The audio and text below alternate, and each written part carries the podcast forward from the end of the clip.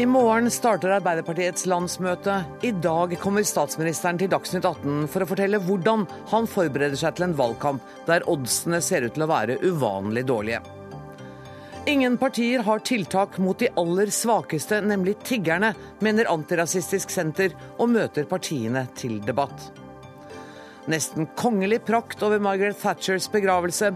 For første gang på mer enn 50 år var dronning Elisabeth til stede ved en statsministerbegravelse.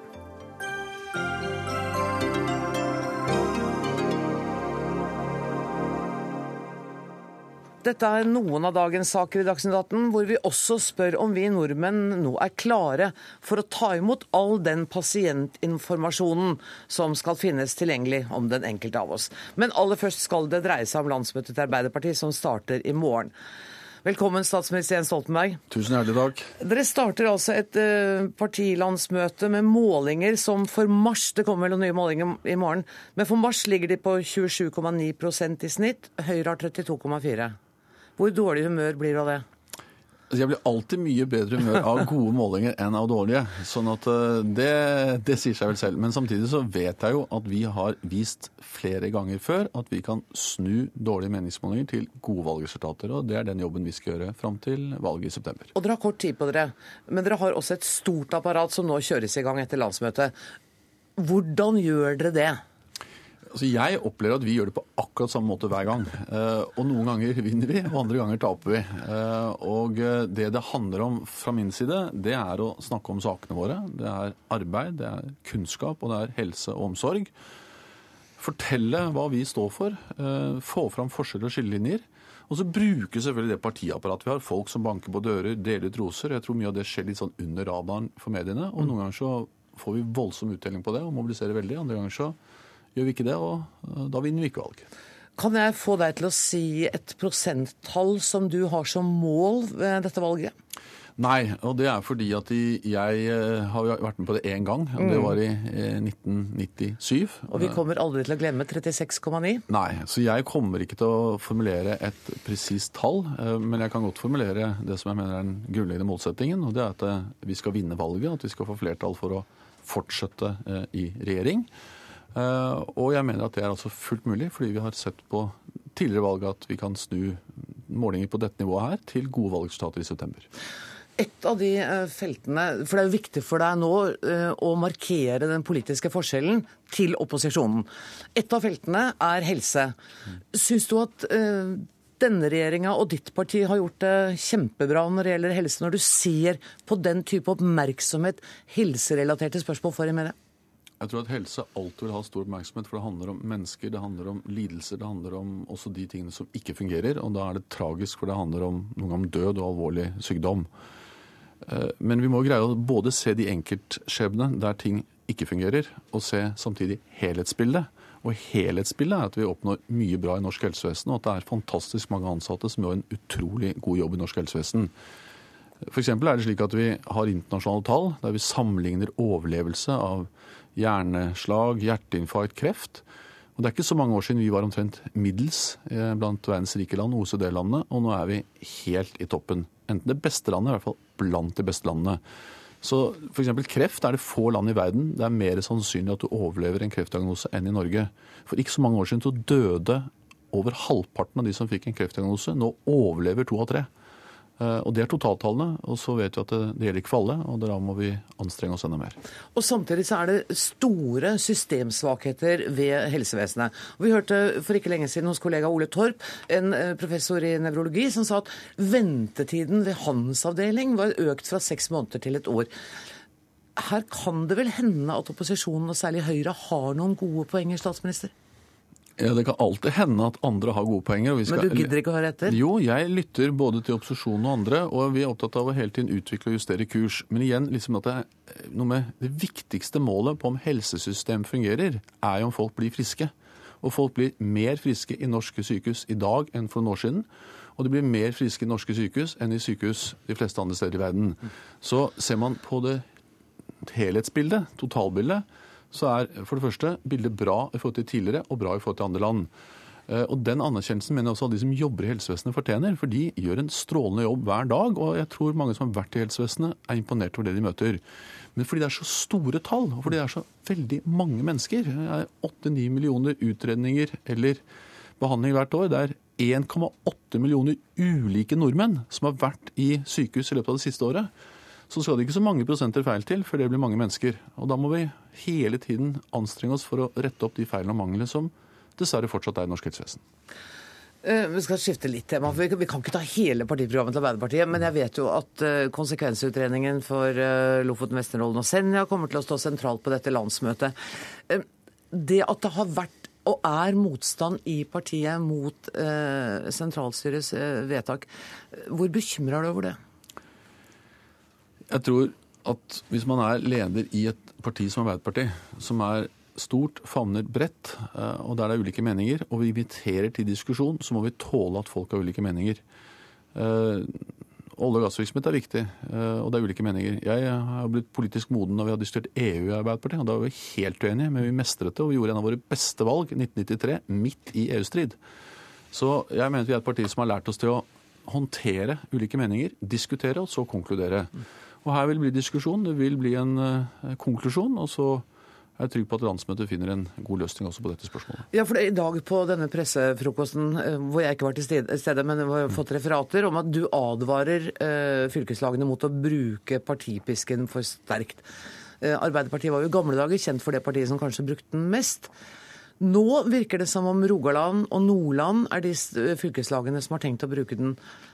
Hvordan vil du takle det?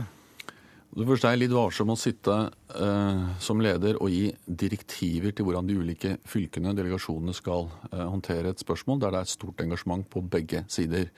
Men det jeg var opptatt av å formidle, det er at eh, det skal være en reell debatt på landsmøtet. Der kommer det eh, mennesker med nye argumenter, med ny informasjon, kanskje med nye formuleringer. Og Da må man jo kunne forholde seg til det, og ikke bare si at i mitt fylkeslag har gjort et vedtak, så det er ikke noe mer å diskutere. Da kunne vi nærmest bare melde inn standpunkter, og så veie stemmer, og så uh, droppe av landsmøtet. Må være en reell debatt, et politisk verksted. Samtidig så er jo hver enkelt landsmøtedelegat valgt personlig, og jeg er sikker på at de legger vekt på hva fylkene deres har gjort vedtak om, og tar det med seg når de til slutt bestemmer seg for hva de skal stemme. Det er ikke unormalt at det er en slitasje på en regjering som har sittet i åtte åtte år. Um, er det sånn at du forbereder deg på å flytte hjem til Nordberg nå? Jeg forbereder meg på å vinne valget og skal mobilisere alt jeg har og gi alt jeg har. Og jeg syns faktisk ganske morsomt med valgkamp. Det er en politikk veldig intenst. Det er en fordel i Norge at den er intens og ganske kort. Den begynner jo egentlig først rett etter sommerferien, og så er det veldig intenst. Eh, og det gjør jeg fordi jeg vil gjerne fortsette som statsminister eh, og har mye ugjort. Eh, og så er det velgerne som avgjør. Men det er det er jo meningsløst å stille til valg hvis vi ikke har lyst til å vinne. Og jeg vil gjerne vinne, og så får eh, jeg gjøre det jeg kan for å få det til. Du, Helt til slutt, klokka to i morgen skal du holde landsmøtetalen din. Um, kan du liksom nå forskuttere eller gi en smakebit på hva som kommer til å være det viktigste? Bare lite grann. Nei, altså jeg tror det viktigste da. er at det er en tale om hvorfor jeg mener vi fortjener fire nye år. Og, fordi, eh, og, hvorfor jeg mener at dette landet er best tjent med at vi tar ansvar for å styre landet også i fire nye år. Ja, så det du sier er at jeg må sitte og høre talen i morgen? Ja, du må nesten det. Tusen takk for at du kom, statsminister Jens Stoltenberg. Inn i studio kommer eh, kollega, politisk kommentator her i NRK, Magnus eh, Takvam. Um, jeg fikk ikke så mye konkret ut av eh, statsministeren, eh, bortsett fra at han mener at eh, landet er best tjent med at Arbeiderpartiet er i regjering også de neste fire årene. Mm. Kommer de til å være det? Ingenting tyder på det, hvis vi skal se på meningsmålingene og hvor stabile de tross alt har vært. Da tror jeg nok, etter min mening, at det må skje et eller annet uventet. At en eller annen ekstern faktor som eh, vi ikke vet om i dag, eh, dukker opp.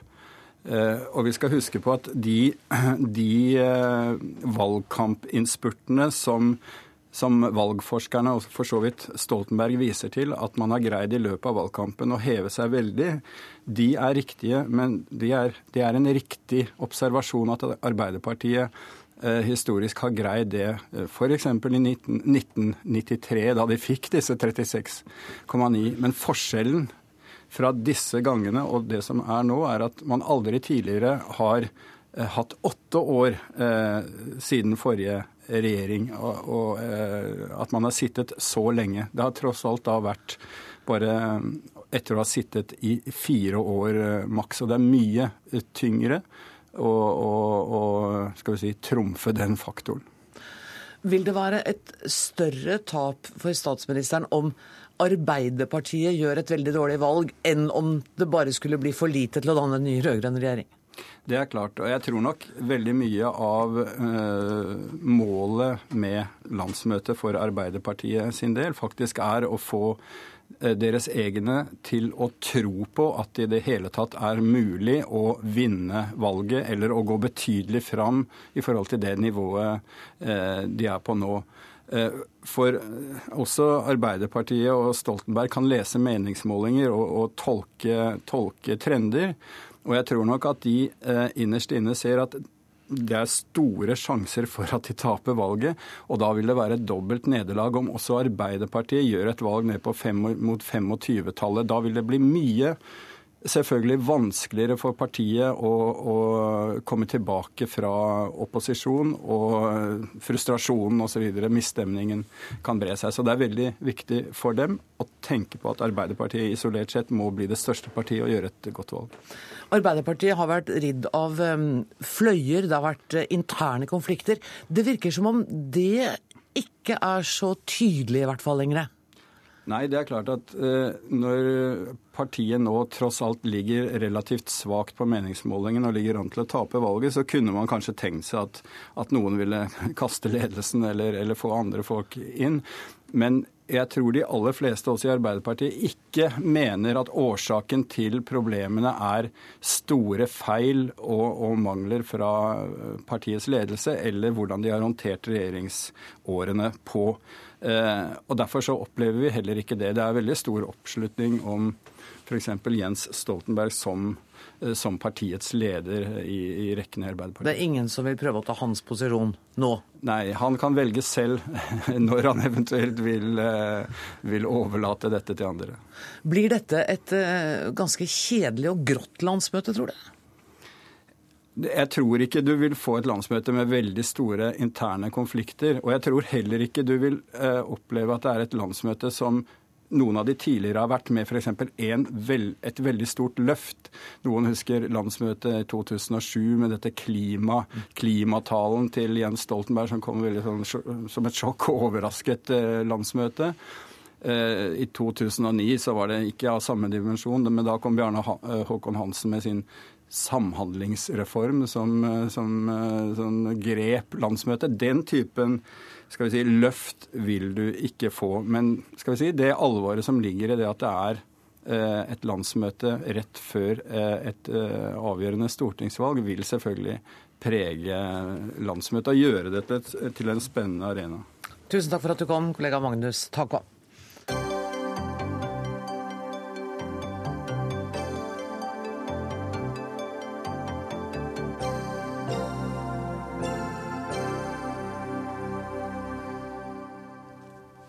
Både tilhengere og motstandere av Margaret Thatcher møtte opp langs ruta til begravelsesfølget til den tidligere statsministeren i dag. Også dronning Elisabeth var til stede under seremonien i St. Pauls katedral i London. Det er den første statsministerbegravelsen hun har deltatt i siden Winston Churchill døde i 1965. Og London-korrespondent Gry Blekastad Almås, du har vært ute i Londons gater og blant sørgende og blant demonstranter. Hvilke reaksjoner var det på denne storslåtte gravferden? De var mange og sterke og ulike, vil jeg si. Jeg møtte folk som eh, var preget av andakt og alvor. Jeg møtte godt voksne, uniformerte mannfolk som gråt da jeg spurte dem hva de følte, uten at de da klarte å forklare hvorfor dette var så sterkt for dem. Men man forsto jo da at Thatcher hadde betydd veldig mye for dem. Eh, vi møtte veteraner fra Falklandskrigen som hedret hennes besluttsomhet i den situasjonen. Og vi møtte motstanderne eh, de som ser seg selv som ofre for jernkvinnens beinharde linje eh, mot gruvearbeiderne f.eks., som var rasende i dag fordi de må være med på å betale for denne offentlig finansierte begravelsen av en politiker som har splittet mer enn forsont den britiske befolkning, etter deres mening. Og hun splitter også faktisk etter sin død, da? Det gjør hun i høyeste grad når man ser disse reaksjonene. Hun blir hyllet av dem som ser, uh, ser det som et gode, det hun gjorde for den britiske økonomien f.eks., som hun klarte å snu. Uh, det hun gjorde for å få slutt på den kalde krigen uh, med sine diplomatiske evner og kontaktskapende evner. Og det hun gjorde da Argentina invaderte de britiske Falklandsøyene. Mens da disse på den andre siden, gruvearbeiderne og ofrene for nedlagt industri eh, mener jo at hun kun var med på å øke forskjellene, gjøre de rike rikere og de fattige fattigere. Og Jeg syns jeg så i dag denne delingen sant, med folk fra Nord-England, Skottland, Wales som er imot, mens det rikere sør eh, hadde en helt annen holdning til dette i dag. Gry, hvis du har tid, kan ikke du være med litt videre? Jeg skal snakke litt med Ulf Andenes, som var korrespondent i London. Jeg håper det er greit for deg? Det går fint. Um, uh, Andenes, du var altså korrespondent for Aftenposten under Thatcher-tiden og fulgte gravferden på TV i dag. Um, Thatchers barnebarn, Amanda, leste fra Bibelen, og biskopen av London ledet seremonien. Vi skal høre et ørlite utdrag. Be strong in the Lord and in the power of his might.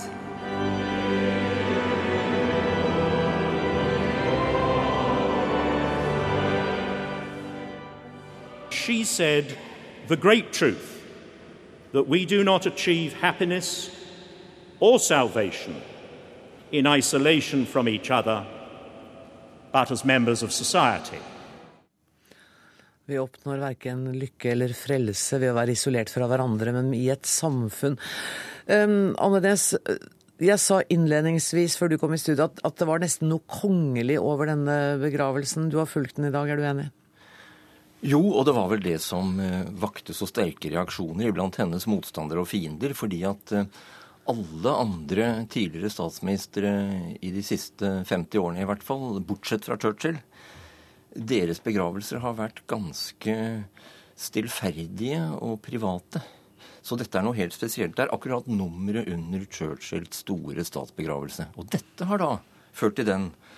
Det har virket provoserende, og det er jo ganske merkelig hvordan hun da hun er den eneste demokratiske politiker som jeg vet om som er i stand til å skape strid ved å dø. Eller fortsette striden som hun skapte. Som... Men du, det er jo noe rart også. Har, det har stått mange steder at hun har planlagt denne begravelsen.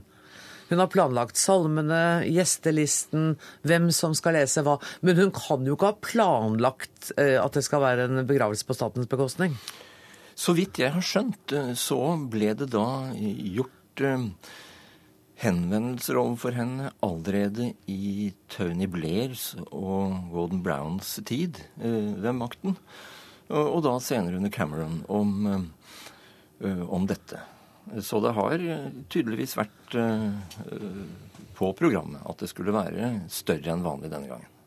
Du, du, var altså korrespondent der mens hun var statsminister. Var det sånn at hun, hun tegnet det politiske nyhetsbildet nesten fra dag til dag?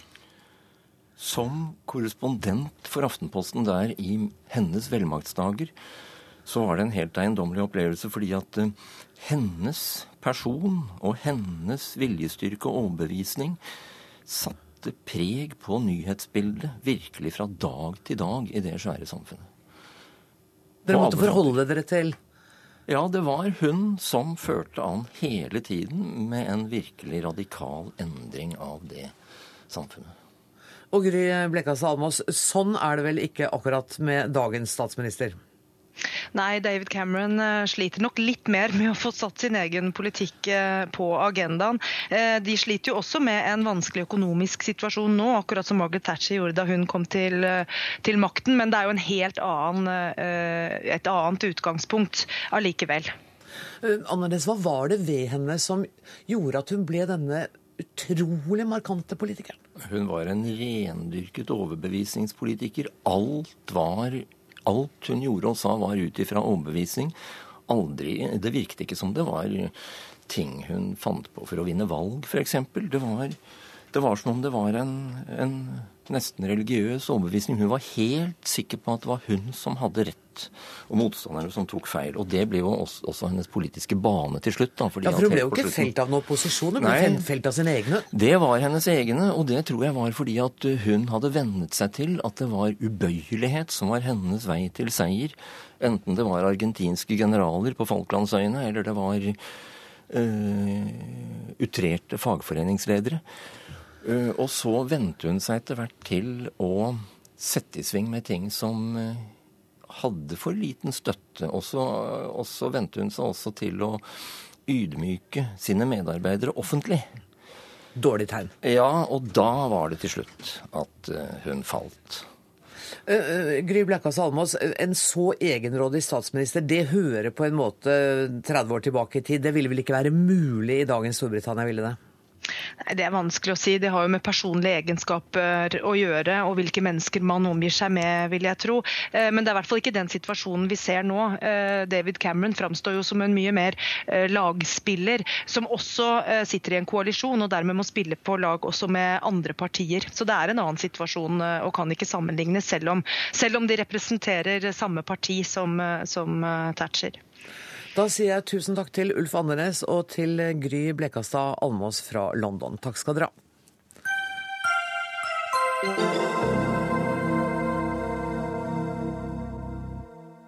Kommer til Norge fra et økonomisk kriserammet eh, Europa, lever på gata og livnærer seg gjennom tigging. Fem måneder før valget er det ifølge avisa Vårt Land ingen partier som har programfestet sosiale tiltak for å hjelpe fattige innvandrere. Og det bekymrer flere humanitære organisasjoner, andre deg, Kari Helene Partapolien. Du er leder i Antirasistisk Senter. Hvorfor det? Det er jo eh, sånn at eh, den største innvandringsgruppen til Norge allerede nå er eh, arbeidsinnvandrere. Og noe av det litt nye vi ser, det er jo at noen av de svakeste altså arbeidsinnvandrere fra, fra Europa. Og det vi ser er at nå får vi også en annen gruppe som kommer til Norge. Og det er noen av de svakeste som rammes hardest av den omfattende finanskrisen som er i Europa. Det er jo bl.a. tilreisende rom, som vi har snakket og debattert mye om nå i lengre tid tid i, eh, i Norge.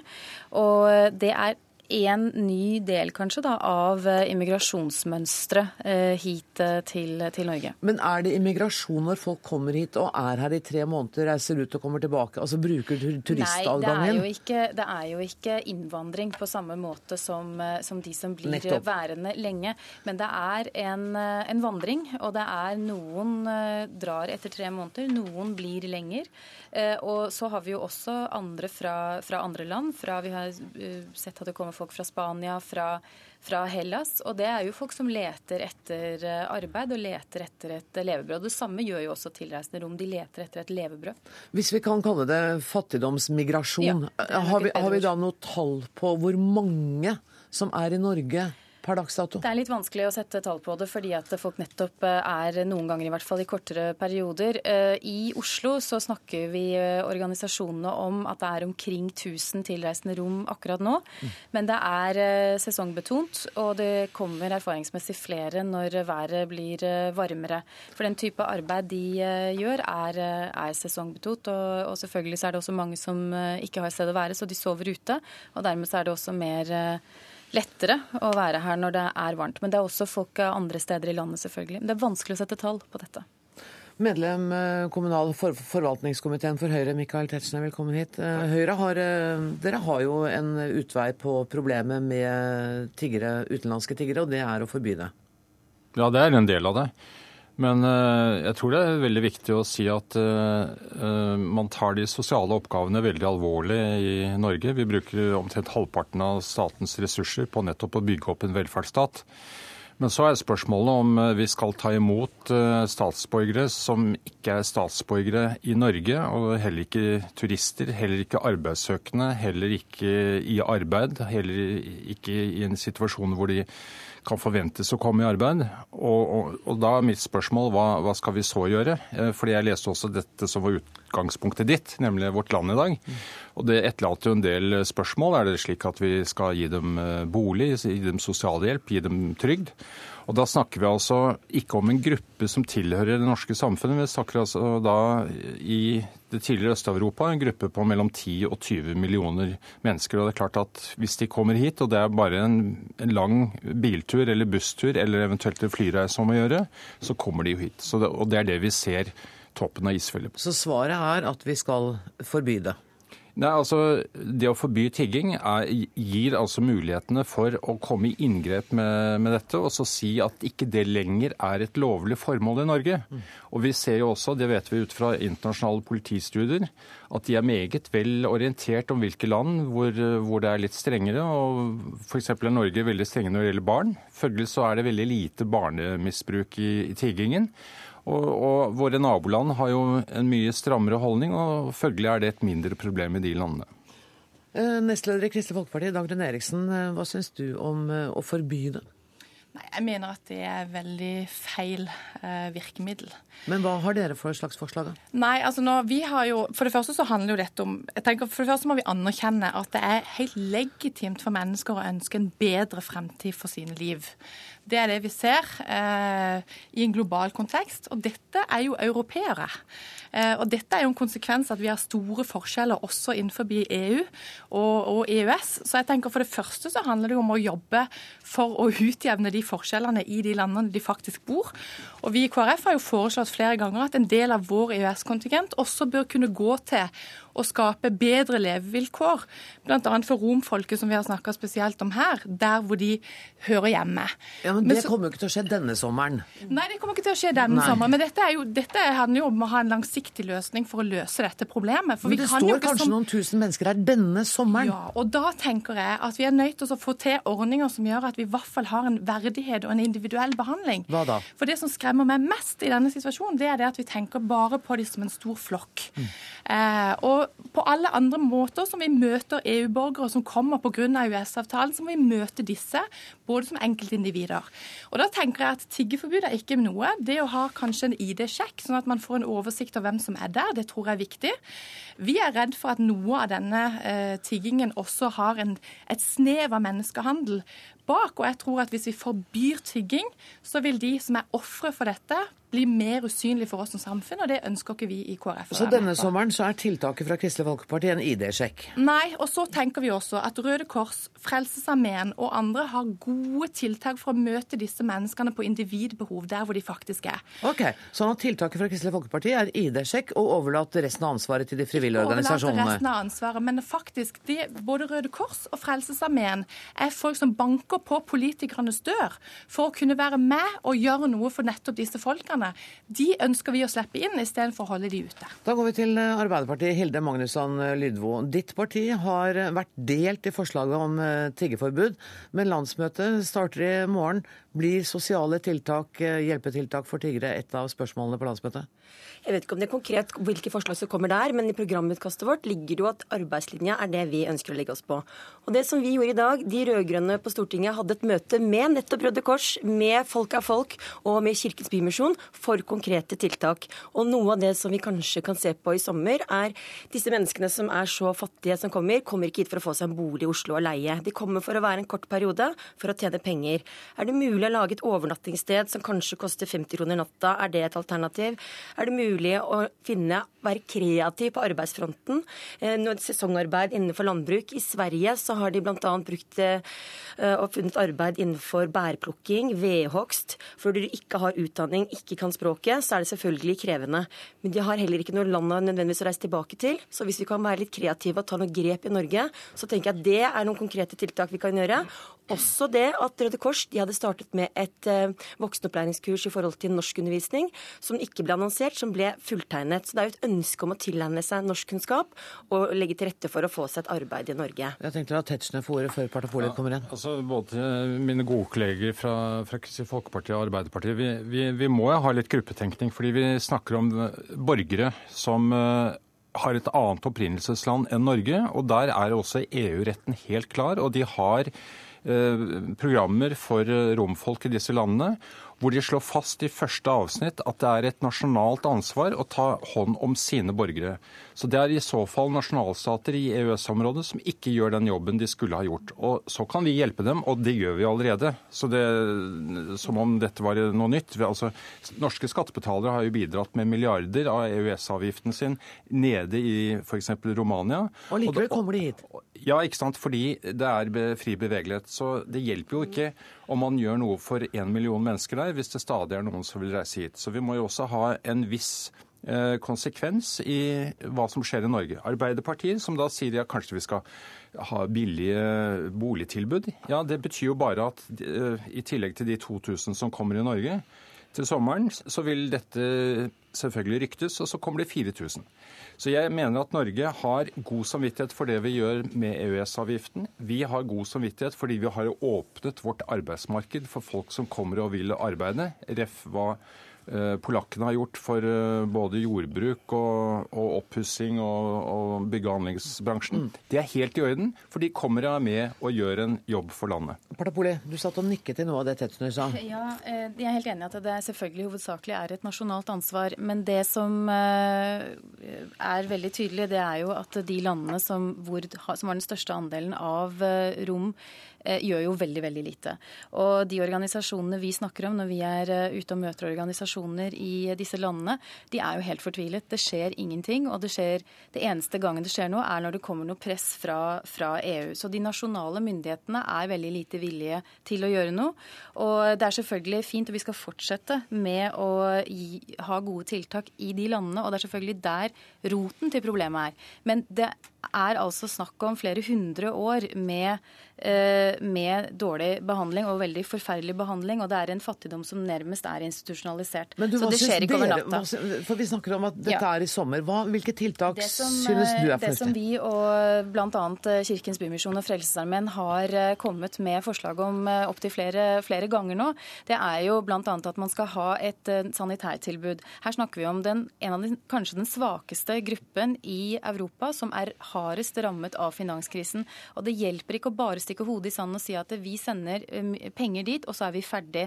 Vi er nødt til, og vi har et ekstra ansvar, faktisk. Og det sanitærtilbudene, det er altså ikke snakk om noe, noe femstjerners tilbud, det er snakk om bare helt uh, vanlige ting, som for så vidt en storby som vil ha svake grupper uh, uansett, er nødt til å ha.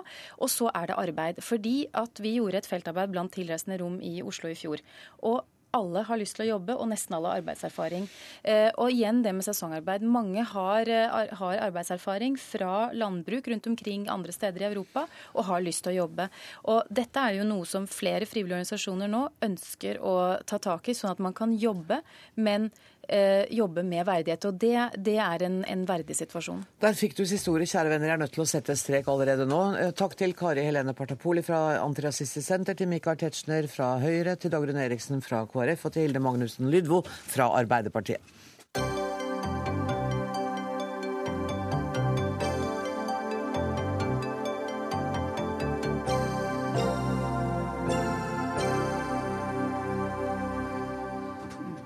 Deler av kongressbygningen i Washington er evakuert etter funn av en mistenkelig pakke. Det melder CNN nå.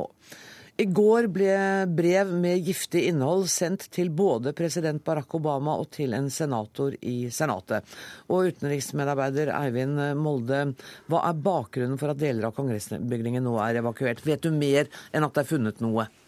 Altså det, som, det som skjedde, var at uh det ble funnet en mistenkelig pakke inne på kontoret til en eh, senator. Det er det ene som har skjedd.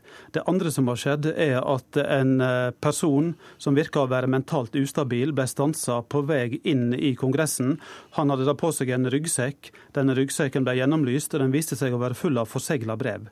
Så, så, dette funnet ble gjort i hans sekk. Han ble stansa.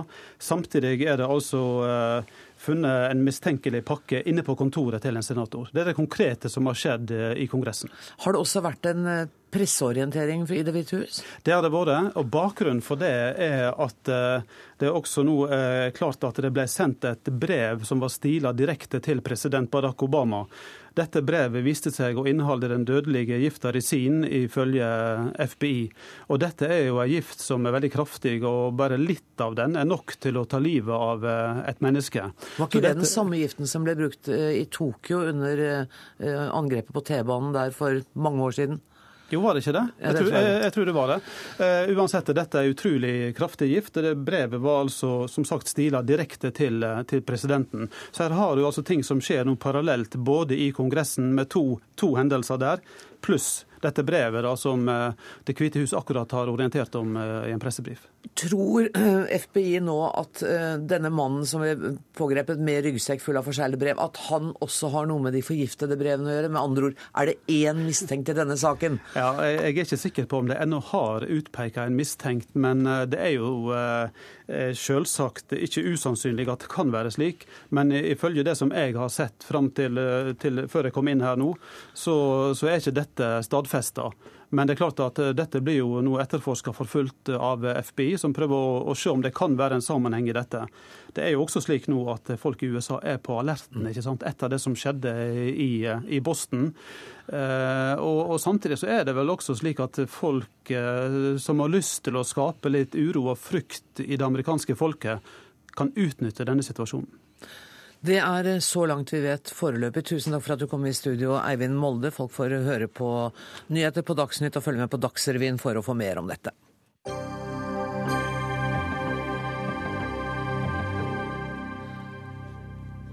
I flere år hadde han blogget høyreekstreme ideer under pseudonymet Fjordmann. Etter 22.07 ble Peder Arne Nøstvold Jensen kjent langt utenfor Norges grenser. Han var Anders Behring Breiviks ideologiske forbilde. En intellektuell storebror som ga livet mening. Følelsene var ikke gjensidige. For Fjordmann var Breivik en distraksjon i innboksen. Det skriver du, Simen Setre, som i dag kommer med boka 'Fjordmann portrett av en anti-islamist'. Hvorfor var Breivik en eh, distraksjon i innboksen til Fjordmann? Ja, altså Hvis du legger til det som skjedde etterpå, så kan du også tolke det på den måten. Men eh, det var vel sånn at eh, det slående i forholdet mellom de to er på en måte hvor stor Fjordmann var for Breivik, og hvor liten eh, Breivik var for Fjordmann. Eh, et eksempel på det er jo at eh, etter 22. juli så huska eh, Fjordmann dette navnet så mye, men da det kom opp, så satte han seg ned på computeren sin og søkte det opp i innboksen, og da kom den korrespondansen mellom de opp. da. Og der er det jo Breivik som er den beundrende. Han tilber jo nesten Fjordmann i denne korrespondansen. Ja, ikke sant. Fjordmann hadde eh, det ved tekstene sine at eh, han kunne fascinere og, og suggerere eh, leserne sine.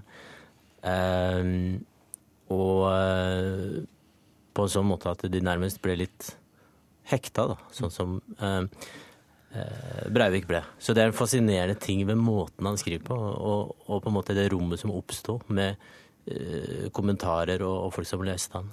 Mm. Jeg leste boka di i, i, går, og den er også fascinerende lesning. For du, du, tar jo meg som leser med på jakten på virkeligheten, på den fjordmannen, hvor han kom fra, hva slags bakgrunn. Eh, han kom altså fra Ålesund, fra en eh, radikalt foreldrepar, eh, vel tilknyttet AKP. Moren en kjent eh, feminist. Er det så enkelt som at eh, dette var et eh, ungdomsopprør? Eh, det kan sikkert ha elementer av det, men jeg tror det er litt for enkel forklaring. Jeg tror det er viktigere å se på det som skjedde i Midtøsten da Fjordmann studerte der, mm.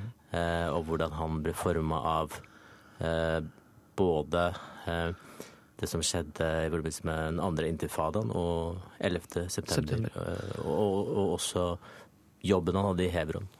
Ja, For han var jo ingen antiislamist da han dro til Kairo for å studere arabisk? Det som han har fortalt meg, er da at han begynte å få uh, sånne holdninger. At han følte at han uh, reagerte mot det som han lærte på arabisk studie, bl.a. I, i Bergen. Uh, og at han følte at sannheten på en måte ikke kom fram der. Uh, at han begynte å bli kritisk, og så reiste han ned dit, og da fikk på en måte den kritikken sin forsterka veldig. Det, er, det, reiser mange spørsmål når, når man leser boka di òg. Du skriver at målet med boka er å studere Jensens vei. Du vil, gjen, du vil gjennomføre et case-studie, ikke en moralsk vurdering av hans forfatterskap eller en kritikk. Hvorfor ikke en kritikk? altså, det er veldig vanskelig å skrive en sånn bok. Det tror jeg på. Eh, kjempevanskelig å få um, Fjordmann i tale. Uh, få tilliten hans. Um, og når jeg da ville skrive den, fordi jeg syns det er viktig, og fordi det er en veldig fascinerende historie, uh, så tror jeg at uh, det var måten man kunne gjort det på. Um, jeg tror også at man kan lære mer av å gå inn i stoffet på den måten. Gå objektivt inn og prøve å beskrive noe i stedet for å gå inn med meningene sine først, da, som jeg mm. kanskje føler har vært eh, har skjedd litt ofte i, forbindelse med Fjordmann. Mm. Og du har jo også latt ham lese, om ikke hele, så deler av teksten. Han er skuffet over hvor lite du har skjønt av det han har skrevet. Han, øh, ville han forandre ting i din tekst? Ja.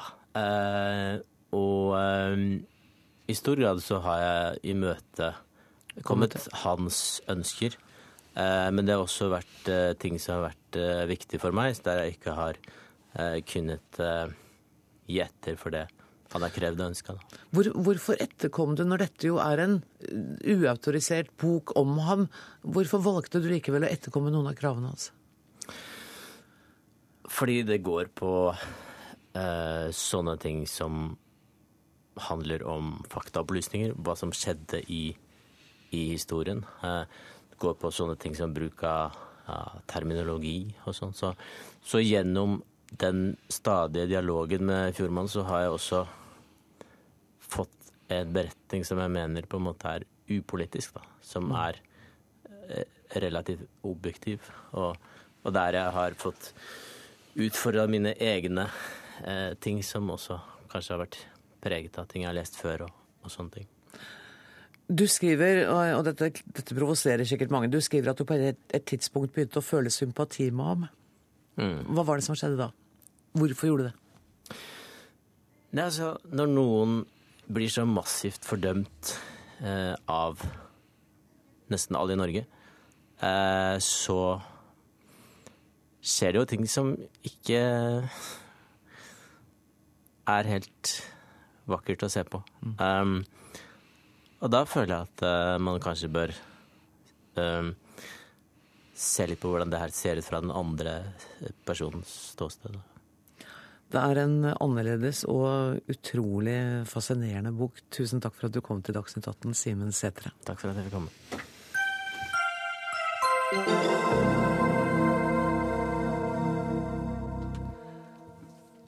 Regjeringen vil etablere en elektronisk pasientjournal som følger deg livet igjennom.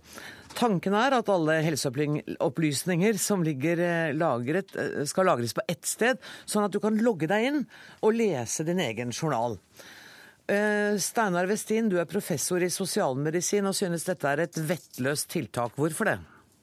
Ja, nå er jeg også fastlege og kommer faktisk rett fra legekontoret mitt nå. men Jeg pleier å bruke tida etter klokka fire til å gå gjennom alle innkomne prøvesvar og røntgensvar, MR-bilder og alt sånt noe. Og da er det helt vanlig at jeg får en del avvikende meldinger som jeg ikke umiddelbart vet hva jeg skal gjøre med. og Da bruker jeg ofte tid til å notere meg sånne huskelapper eller skrive i journalen hva jeg skal følge opp.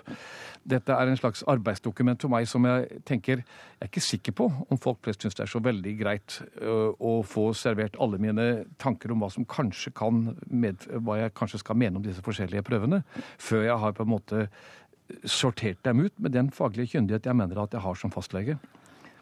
Men hvis det er opplysninger av den type, kan du ikke bare legge dem et annet sted? Bør du legge dem i journalen? Ja, altså det hører jeg jo nå at både psykiatere og andre fastleger føler at vi etter hvert kan få et behov for å føre såkalt skyggejournal. Det har vi jo ikke lov til.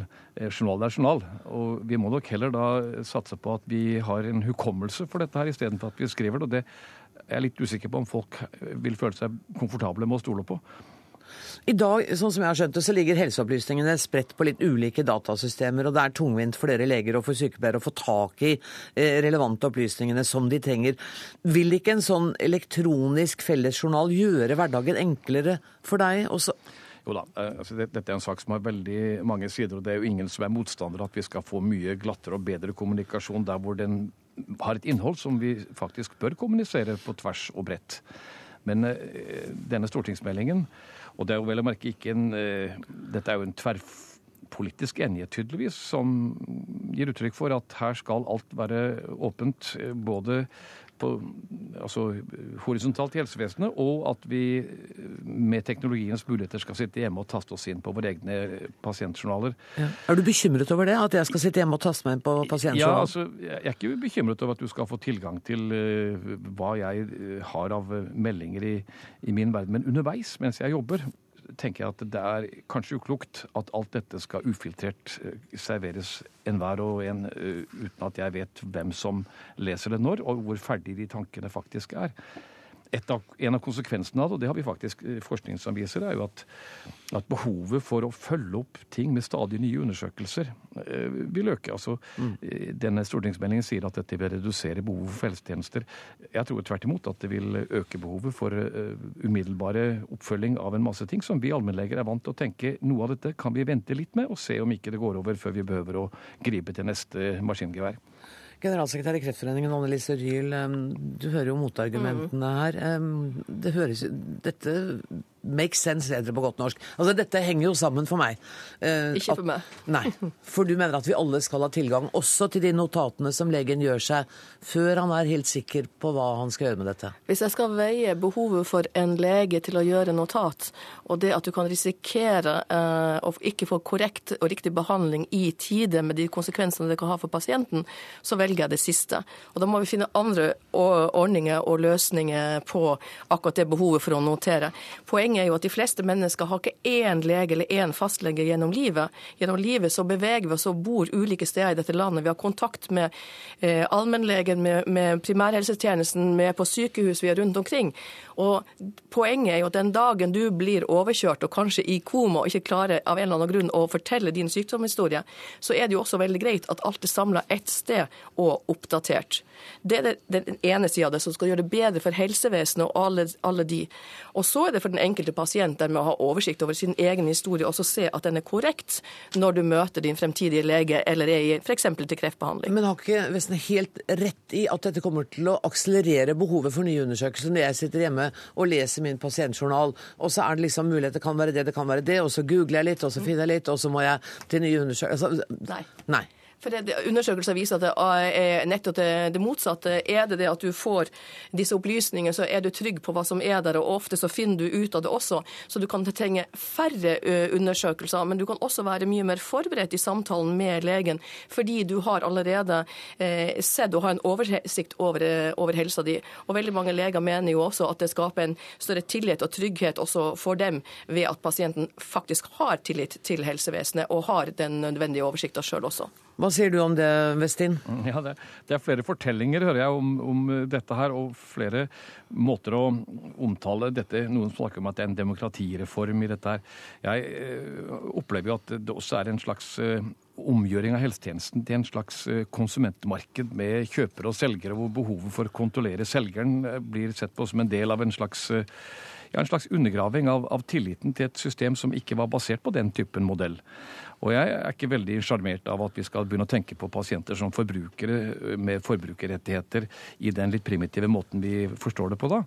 Så jeg, jeg tror at denne, denne Men sitter du litt kan... og forsvarer liksom legenes autoritet og ære ved å si Ja. at nei, pasientene er ikke de, de har ikke kunnskaper nok de til å kunne få tilgang på alt dette? Er det sånn vi gjør det nå? Nei, jeg har ikke noe problem med det. Og jeg jeg har ikke noe problem med at folk leser om uh, sine mulige sykdommer på nett og slike ting. Men jeg syns ikke de skal behøve å være rolig for alle de mellomtankene som en doktor gjør seg, og som jeg mener at journalen kan hjelpe oss til å gjøre godt.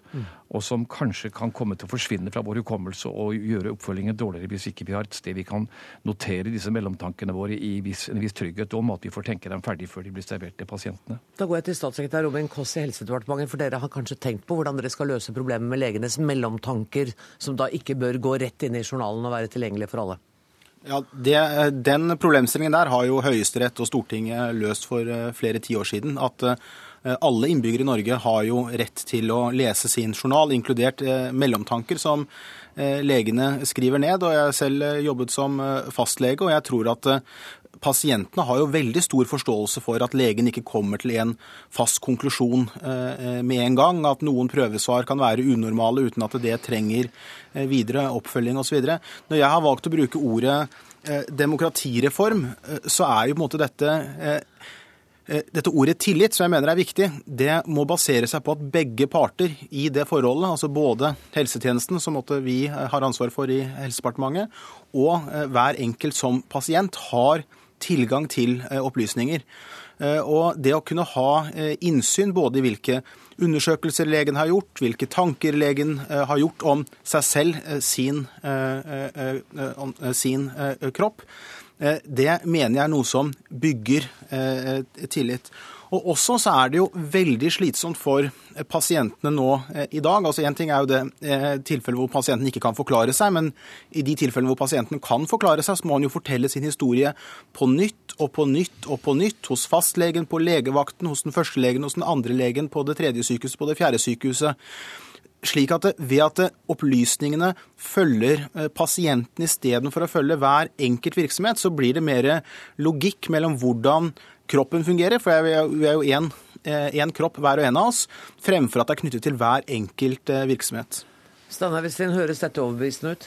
Nei, jeg, jeg, jeg tror jo at vi For det første undervurderer vi behovet av det som også er informasjonsoverflod. For en del av det som finnes i ulike journaler. Hvis alt skal være tilgjengelig alle steder, så er det også mulig at du simpelthen mister det essensielle. Det er ingen dårlig idé å snakke med pasienter når man har dem der og da. Og til dette problemet vi snakket om eh, koma og, og folk som ikke kan snakke for seg.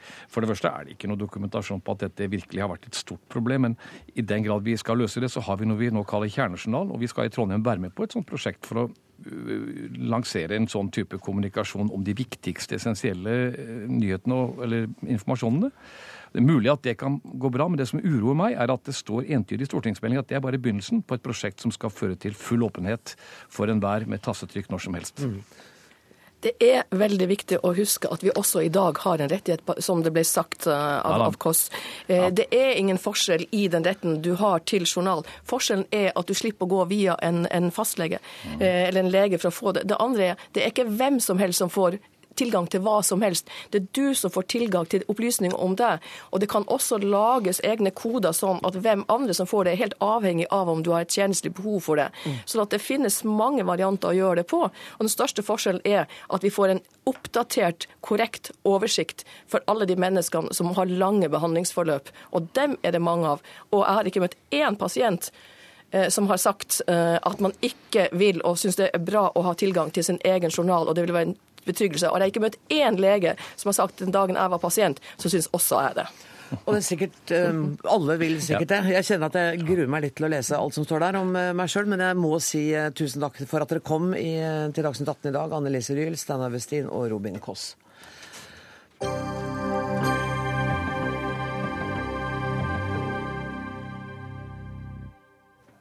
Hun ble kalt århundrets stemme. Hun ble Norges første operasjef. Hun er avbildet på vår egen 100-kroneseddel og har fått en stjerne med sitt navn på Hollywoods Walk of Fame. I år er det 100 år siden operasangeren Kirsten Flagstad debuterte på Nationaltheatret 18 år gammel. Og i morgen går Kirsten Flagstad-året av stabelen. Vi skal begynne dette innslaget med å høre en urettferdig liten bit, men allikevel et opptak fra BBC i 1938. En liten del av Griegs kjente romanse 'Jeg elsker deg'.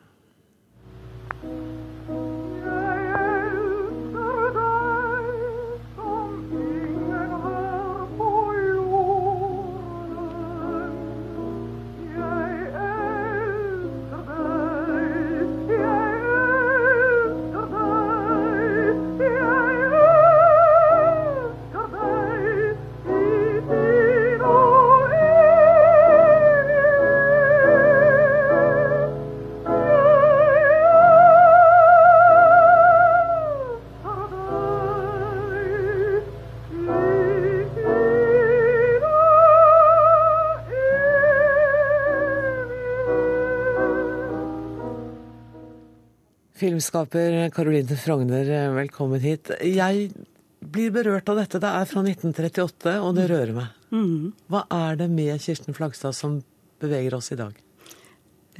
For meg, og jeg tror for alle andre, så er det at hun er en enorm stor sanger.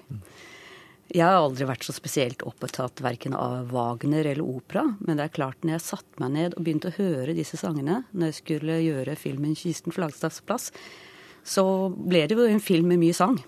Og det var det jeg lagde plass til. Og hun er stor. Hun er vel en av de største sangerne som har levd. Mm. Hvordan, hvordan nærmer man seg et sånt Du sier du, du var ikke spesielt opptatt av operaen, du skulle lage en dokumentar om henne. Hvordan nærmer man seg et så enormt materiale som det? Det jeg tok, var først opptatt av, var at hun hadde en anonym grav. Og det lurte jeg på. Hvorfor har da en av verdens største sangere valgt å legge seg en anonym grav? Og så begynte jeg å gå inn i hennes historie. Eh, måten hun ble behandlet i Norge på etter annen verdenskrig. Hun ble beskyldt for å være nazist. I hvert fall stripete. Ja, og det jeg fant, var jo helt det motsatte. Så jeg møtte jo folk fra hjemmefronten som sa nei, hun var klar antinazist. Eh, Jeg intervjuet Kjakan om det, og han sa at hun gikk Sønsteby selv, ja. ja, han sa at hun gikk imot det nazistiske diktaturet og for demokratiet. Og når hun kom til Norge i 41, så fikk hun mannen ut av NS. Han For han var medlem fram til da. Ja, han var medlem, og han var veldig antikommunist. Eh, Var trehandler også med Tyskland. Og mm, var redd for bolsjevikene. Og Kirsten Flagstad og datteren Ket fikk han da ut av NS. Jeg tror nok kanskje det tøffeste for han da var at han satt i Vinmonopolet, vet du, så han fikk jo en god konjakk og litt annen tilgang som han sa nei takk til. Men han valgte da å melde seg ut, og han ble også tatt under krigen og skulle stilles for standrett, altså henrettes. Og da tror jeg nok det at kona hans var Kirsten Flagstad, gjorde at han ikke ble drept. Men du, eh, de ryktene om henne, om holdningen hennes, de satt ganske lenge i. Også til 1957, da hun ble eh, utnevnt som operasjef. Å ja. De satt, eh, de satt eh, helt til jeg gjorde filmen for to år siden, bl.a. sammen med NRK. Eh, Når hun ble operasjef, så vet vi at flere jøder demonstrerte, norske jøder demonstrerte imot det. Grunnen til det er at hun sang mye Wagner, ikke sant? Og det gjorde hun. Og Wagner var antisemitt. Det, det er ingen tvil om. Men Kirsten Flagstad fantes ikke. Og etter krigen så ble hun spurt om å samle inn penger til jødiske barn som hadde overlevd konsentrasjonsleirene. Og da sa hun synger jeg, så blir det tolket galt. Synger jeg ikke, så blir det tolket galt. Og da gjorde hun det fantastiske, selvfølgelig, som hun alltid gjorde. Hun valgte selv og sang og tjente masse penger, som hun ga da til disse flyktningbarna. Og hun hadde også hele veien jødiske impresarioer. Og første gangen hun sang i Bayreuth, som hun gjorde før krigen, hadde en liten rolle der, så var det Kipnes, som da selv var jøde, som fikk henne over. Og han klarte å rømme under krigen til USA og møte henne. Så når hun kom til Norge, så skulle var hun på toppen av sin karriere og skulle synge på Nationaltheatret, og ikke sang. Hun sa her i NRK hvorfor ikke jeg sang, må de selv tenke dem. Og hun fikk mange forespørsler fra tyskere. Terfbofen ringte henne mange ganger, og hun sa nei, men det hun valgte å gjøre, var å synge for hjemmefronten. Hvordan har hun reagert, tror du, på disse beskyldningene om at hun var nazist? Jeg tror hun blir dårlig av det. Hun kommenterte det jo aldri. Nei, jeg tror, men jeg tror hun ble syk. Jeg tror derfor hun ble dårlig. Og for eksempel den fluktruten som de planla på Irstad gård, hvor hun sang 'Gud signe vårt dyre fedreland', hun fulgte en norsk kvinne over til Sverige som var i hjemmefronten, hun og mannen. Og hun fikk jeg kontakt med etter filmen. Så nå tar jo mennesker kontakt med meg, og de er gamle, de holder på å dø, men de forteller da hvor aktiv hun var i hjemmefronten, og hvordan hun var med å starte Musikkfronten. Og nå skal vi markere 100-årsdagen for eh, hennes debut på Mm. Nationaltheatret. Det kan bli en stor renessanse for Kirsten Flagstad. Jeg skulle gjerne ha sittet der veldig mye lenger med deg, Karoline Frogner, Mhm. men sendinga vår er rett og slett eh, slutt. Så jeg må si takk til deg. Når er det premiere på filmen? Den ene filmen som er gjort som er dokumentar, har dere vist i NRK. Har vi det? Og Den har ikke jeg sett. Nei, du skal få et eksemplar etterpå. Dere er hjertelig velkommen til å vise den igjen nå når det er 100 år. Hører kringkastingsledelsen det? Ja, det gjør de sikkert. Eh, tusen takk for at du kom. Eh, ansvarlig for dagens utgave av eh, Dagsnytt 18 var Ida Tune Øritsland. Det tekniske ansvaret tok Finn Lisa, og jeg heter Anne Grosvold. Vi høres igjen klokka 18 i morgen. Takk for nå.